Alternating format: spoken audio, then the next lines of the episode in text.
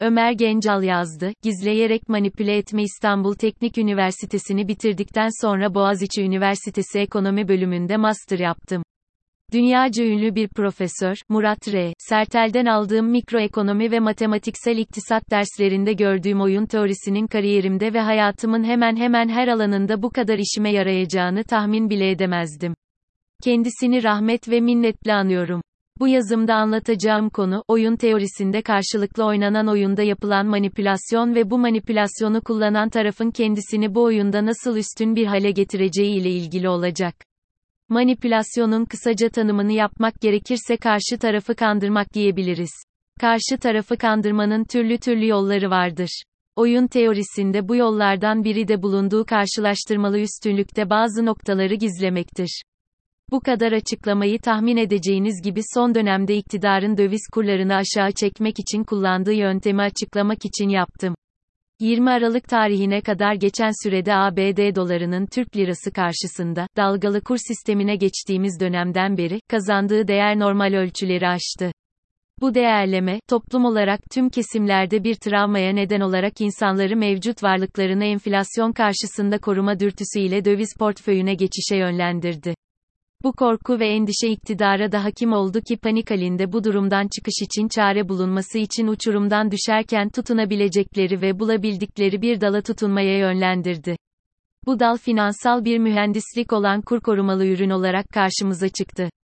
Tabii bu finansal mühendisliğin ani ve çabuk sonuç vermesi sadece bu ürüne bağlanmamalıydı. Üzerinde çalışıldığı belli olan bir senaryo ile iktidar, iktidar olmanın verdiği tüm güç ile tüm enstrümanlarını kullanmaya karar verdi. 20 Aralık akşam saatlerinde Cumhurbaşkanının açıklamaları sırasında gizli olduğu düşünülen güçler de devreye girdi. Kandırmacanın tümüyle yapılabilmesi ve vatandaşta kafa karışıklığına neden olabilmesi için açıklamalar ardı ardına gelirken herkesin tüm şaşkınlığı ile izlediği piyasada dolar kuru 18 seviyesinden 12 seviyesine kadar indi. Bankalar Birliği Başkanı vatandaşın 1 milyar dolar sattığını söylüyor. Bu enstrümanın ne kadar iyi bir mekanizma olduğu anlatılıyordu. Ertesi gün çalışmanın başladığı ilk saatlerde dolar kurundaki düşüş gelen satışlarla hız kazanırken tüm kesimler şaşkınlığını gizleyemiyordu. Nasıl oluyordu da Türkiye Cumhuriyet Merkez Bankası Aralık başından beri yaptığı onlarca milyar dolar müdahale ile başarılı olamamışken bu açıklama sonrasında dolar kurunda Türk lirasına karşı önemli düşüşler söz konusu oluyordu. Gerçekleştirilen aslında tam da yukarıda anlatmaya çalıştığım oyun teorisinin bir uygulamasından başka bir şey değildi. Piyasada kimin olduğunu kimin sattığını sade vatandaş bilmiyordu.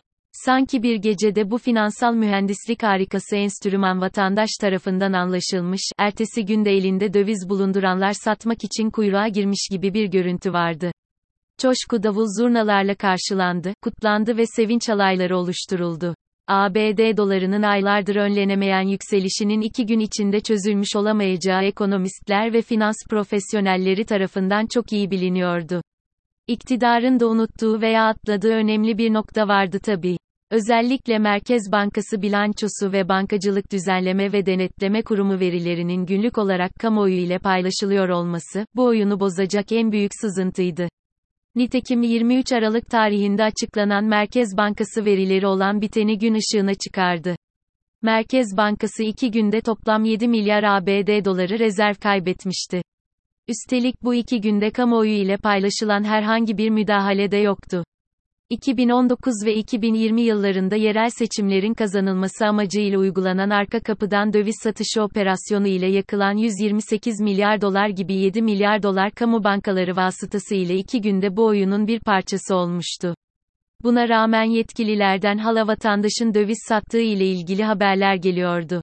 Daha da önemlisi, açıklanan BDDK verileriyle vatandaşın bu dönemde döviz satmadığı, tam tersi döviz aldığı da ayrı bir gerçek olarak 24 Aralık tarihinde ortaya çıktı.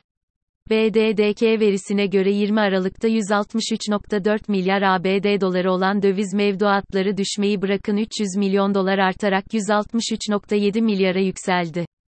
Nokta. Finansal mühendisliğin ürünü kur korumalı mevduatın, vatandaşın sırtına nasıl bir yük getireceğini, mevcutta örtülü olarak bir faizi nasıl arttırdığını, bedavaya sigortalanan mevduatların nasıl bir maliyet içerdiğini ve iktidarın, iktidarını korumak için nasıl bir kumar oynadığını bir başka yazıda detaylıca anlatacağım.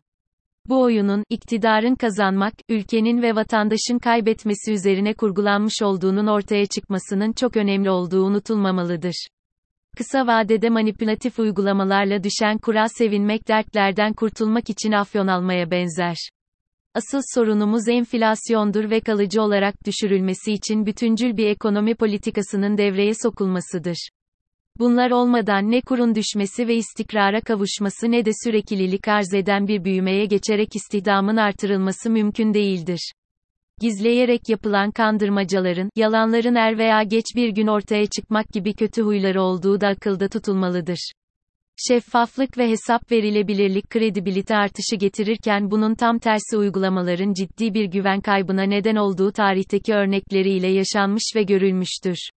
Ülkemizin gelişimi ve büyümesinin sürekli bir çaba ve devinim gerektirdiği düşüncesi içinde oyunu sonsuz oyun olarak kurgulayamayan ve ben kazanayım diyerek bu oyunu sonsuz oyun mantalitesiyle oynayan iktidarlar er veya geç oyundan düşerler. Yaptıkları manipülasyon, kandırmaca, yanlarına kar kalmaz.